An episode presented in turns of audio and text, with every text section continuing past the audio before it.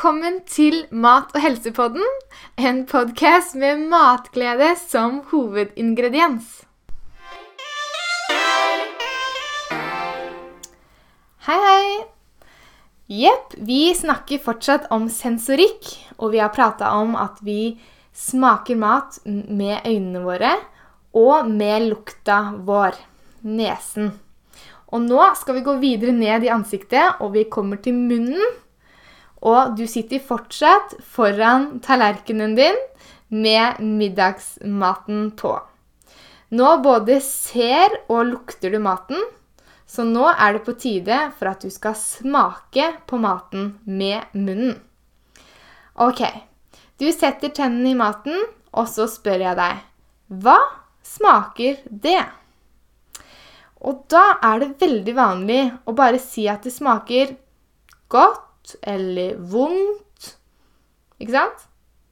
Men klarer du å finne flere ord som beskriver smaken? Smaker det f.eks. tørt?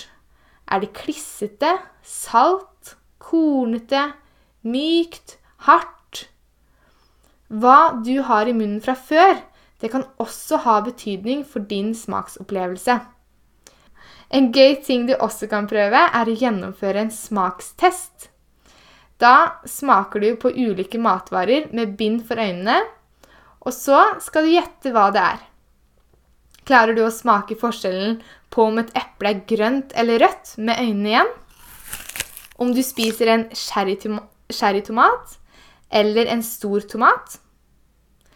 Klarer du å smake om melken har gått ut på dato for to dager siden? Eller smaker den fortsatt like godt? Prøv det her med smak, og se også på konsistens. Er det noe forskjell på eh, ja, en gulrot som er raspet, eller en gulrot som er kokt? Eller ja Prøv litt forskjellig. Hva er det du smaker, og hva er det som spiller inn for de smakene? Ok, la oss gå tilbake til tallerkenen som du har foran deg. Nå har du både sett maten, du lukter maten, du smaker maten, men hører du også maten?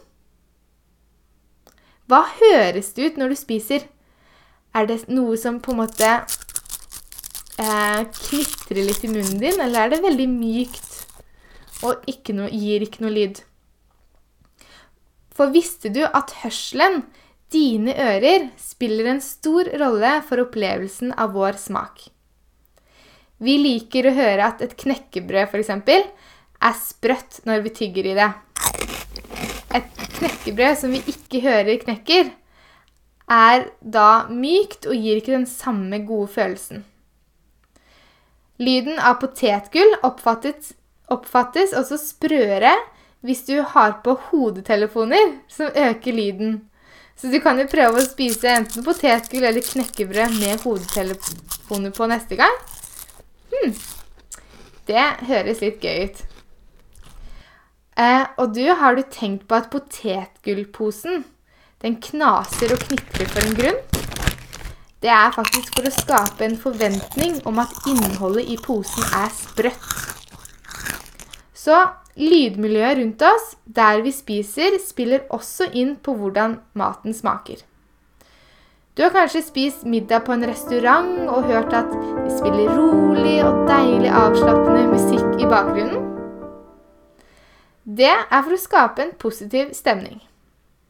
Kanskje har du spist i farten mens du sitter på en buss med mye lyd og bråk rundt deg.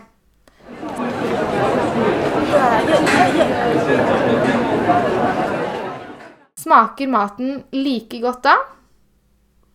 Tenk litt på det neste gang du sitter og spiser. Både ifra lyden av din egen munn og de eh, matvarene du har i munnen din, men også tenk på lyden rundt i det rommet der du sitter. Påvirker det din smak og din opplevelse av det du spiser?